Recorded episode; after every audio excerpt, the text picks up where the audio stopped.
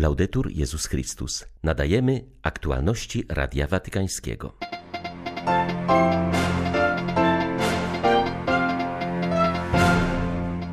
W Chorwacji, dotkniętej przez trzęsienie ziemi, na świat przyszło pierwsze dziecko w nowym roku. Mieszkańcy nazywają małego Dawida dzieckiem nadziei. W ciągu najbliższych dni mieszkańcy i pracownicy Watykanu zostaną zaszczepieni na COVID-19.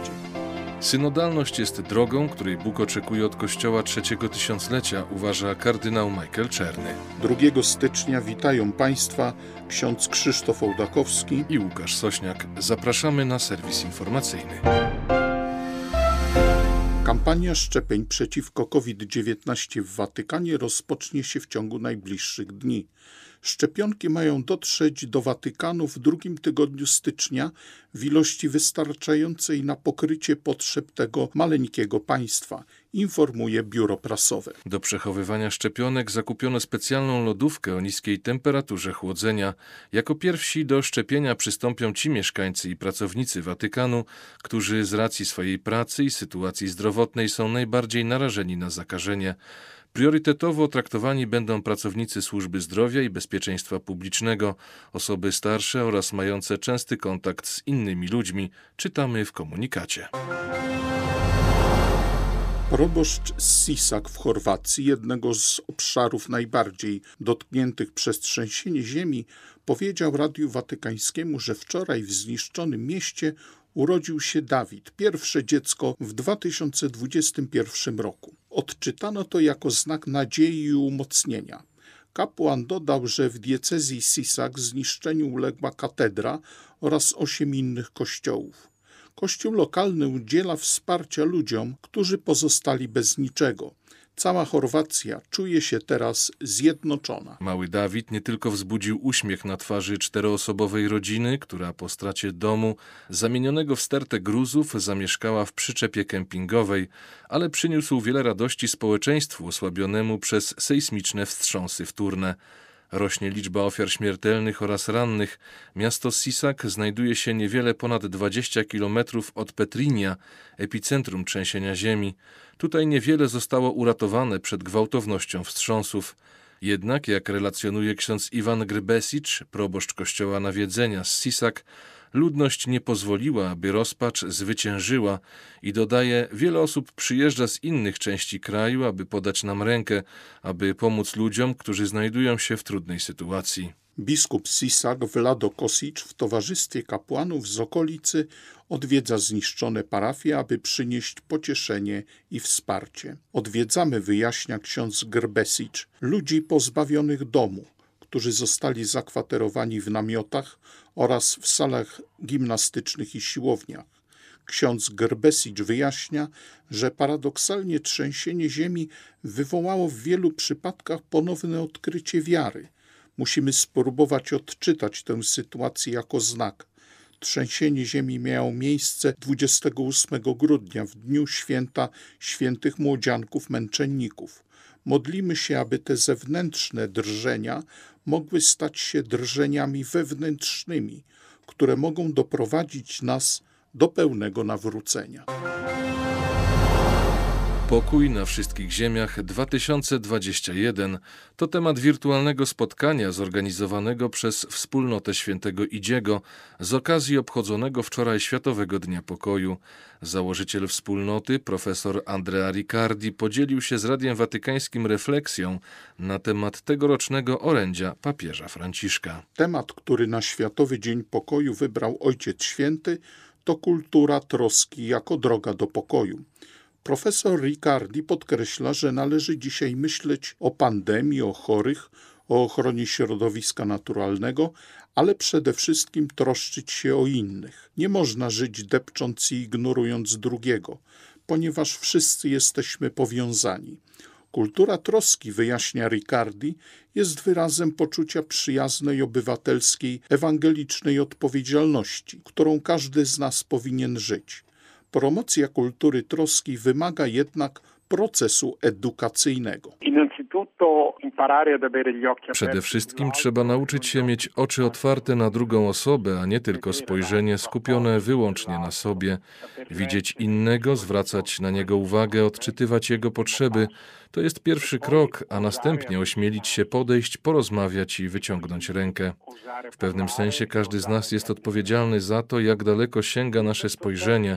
Pan mówi do Abrahama: Cała ziemia będzie Twoja, jak daleko spojrzysz.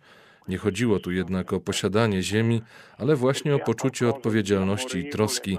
Słowo troska jest bardzo piękne. Zatroszczył się. Przecież Bóg właśnie tym się zajmuje. Wiele razy w psalmach ten wyraz troski powraca. Ma w sobie coś miłosnego i macierzyńskiego zarazem. Jest to wyrażenie pełne znaczeń i wiąże się również z doświadczeniem, które wielu z nas ma w swoich rodzinach.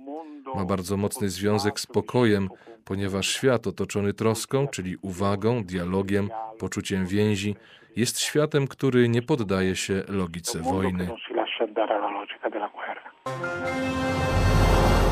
Synodalność to sposób, w jaki Kościół powierza współodpowiedzialność wszystkim swoim członkom.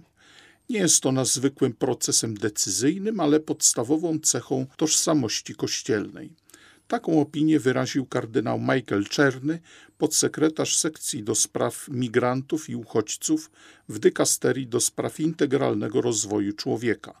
W artykule opublikowanym w ostatnim numerze pisma La Civilta Cattolica podjął w nim temat synodalności w Kościele i w nauczaniu papieża Franciszka. Kanadyjski purpurat zauważył, że w konstytucji Lumen Gentium Soboru Watykańskiego II zostało przywrócone znaczenie świeckich w życiu Kościoła, ponieważ są oni wezwani do uczestniczenia w jego rządach zgodnie z ich właściwymi zadaniami, rolami i sposobami. Ale nie tylko to, podczas gdy kolegialność odnosi się konkretnie do sprawowania posługi biskupiej, synodalność, podkreśla kardynał Czerny, jest pojęciem szerszym w tym sensie, że zakłada udział i zaangażowanie całego ludu Bożego w życiu i misji Kościoła. Synodalność jest drogą, której Bóg oczekuje od Kościoła trzeciego tysiąclecia, zaznaczył hierarcha. Bardzo istotnym narzędziem synodalności jest preferencyjna opcja na rzecz ubogich, która nie ma charakteru jedynie socjologicznego, ale jak najbardziej teologiczny, ponieważ nawiązuje do zbawczego działania Boga w historii. Kardynał Czerny zauważa, że należy ją uznać za integralną część Ewangelii procesu przemiany zainicjowanego przez Sobór. Kościół powinien przejść od charytatywnej praktyki typu opiekuńczego, w której ubodzy są jedynie przedmiotem troski, do uznania ich za członków ludu Bożego i podmiot własnego wyzwolenia. Nigeryjski biskup Moses Chikwe i jego kierowca po pięciu dniach zostali uwolnieni z rąk porywaczy. Ordynariusz archidiecezji Overi poinformował, że obaj czują się dobrze. Porywacze nie zażądali okupu. O uwolnienie hierarchy zaapelował w Nowy Rok papież Franciszek. Do uprowadzenia doszło w niedzielę świętej rodziny. Porywacze porzucili samochód biskupa niedaleko miejscowej katedry i ślad się po nich urwał. W poszukiwania zaangażowały się od razu nigeryjskie służby bezpieczeństwa. Biskup Kikwe jest doświadczony tym, co się stało, ale jest w dobrej formie fizycznej, powiedział po spotkaniu z uwolnionym hierarchą miejscowy ordynariusz. Dodał, że kierowca został przewieziony do szpitala, ponieważ porywacze zranili go w rękę.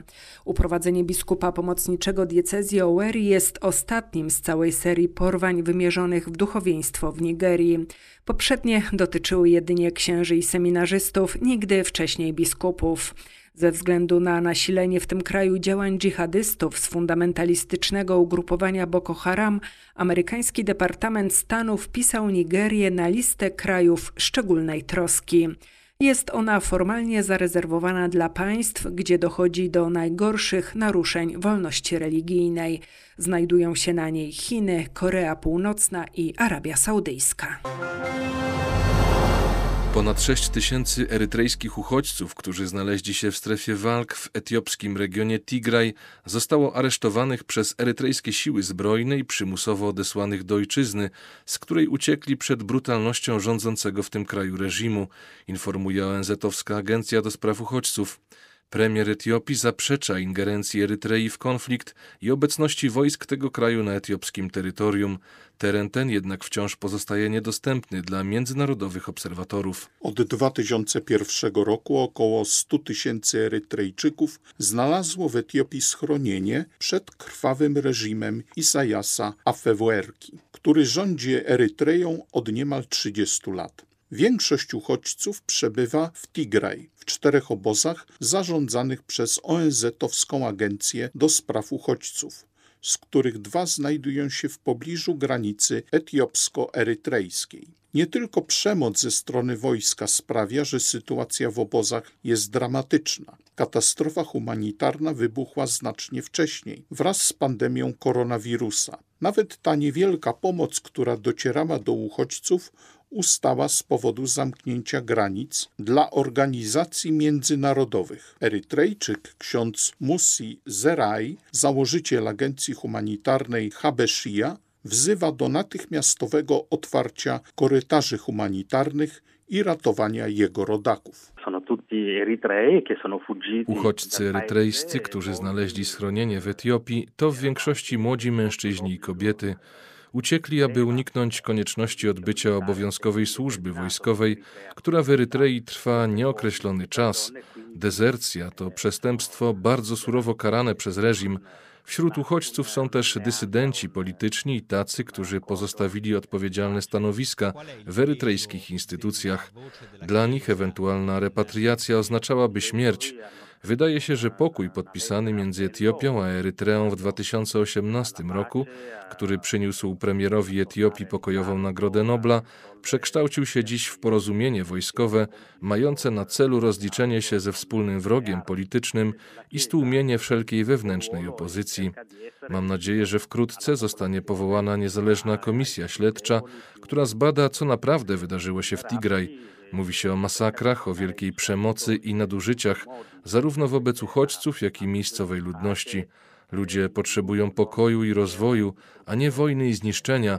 W ciągu ostatnich 300 lat region ten nie znał niczego poza wojnami.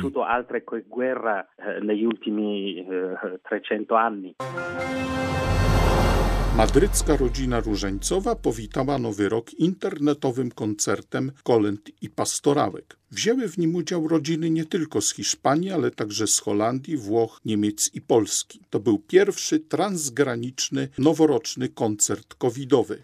Podkreślają jego uczestnicy. Świat na to czeka wiele już lat. Noworoczny koncert rozpoczął Fernando Labrada, który śpiewał kolendy po polsku, hiszpańsku i łacinie. Dużo radości wniosły dzieci, a szczególnie Karolinka, Miriam i Federico. Zostań Jezu mym braciskiem, podzielę się Tobą wszystkim, dam Ci moje klocki Lego, dam misiaczka plusowego. Podczas koncertu zabrzmiały też utwory Mozarta i Chopina mówi Anna Fryc. Nasza rodzina różańcowa przepięknym akcentem przywitała Nowy Rok, pięknym koncertem kolęd międzynarodowych, ponieważ były kolendy śpiewane oraz grane utwory instrumentalne y, z Holandii, z Rzymu, z Niemiec i także tutaj od nas z Madrytu, z Hiszpanii. Biegnij pastuszku, jasną drogą niebo chłonie na Z Madrytu dla Radia Watykańskiego ojciec Marek Raczkiewicz, redemptorysta. Były to aktualności Radia Watykańskiego. Laudetur Jezus Chrystus.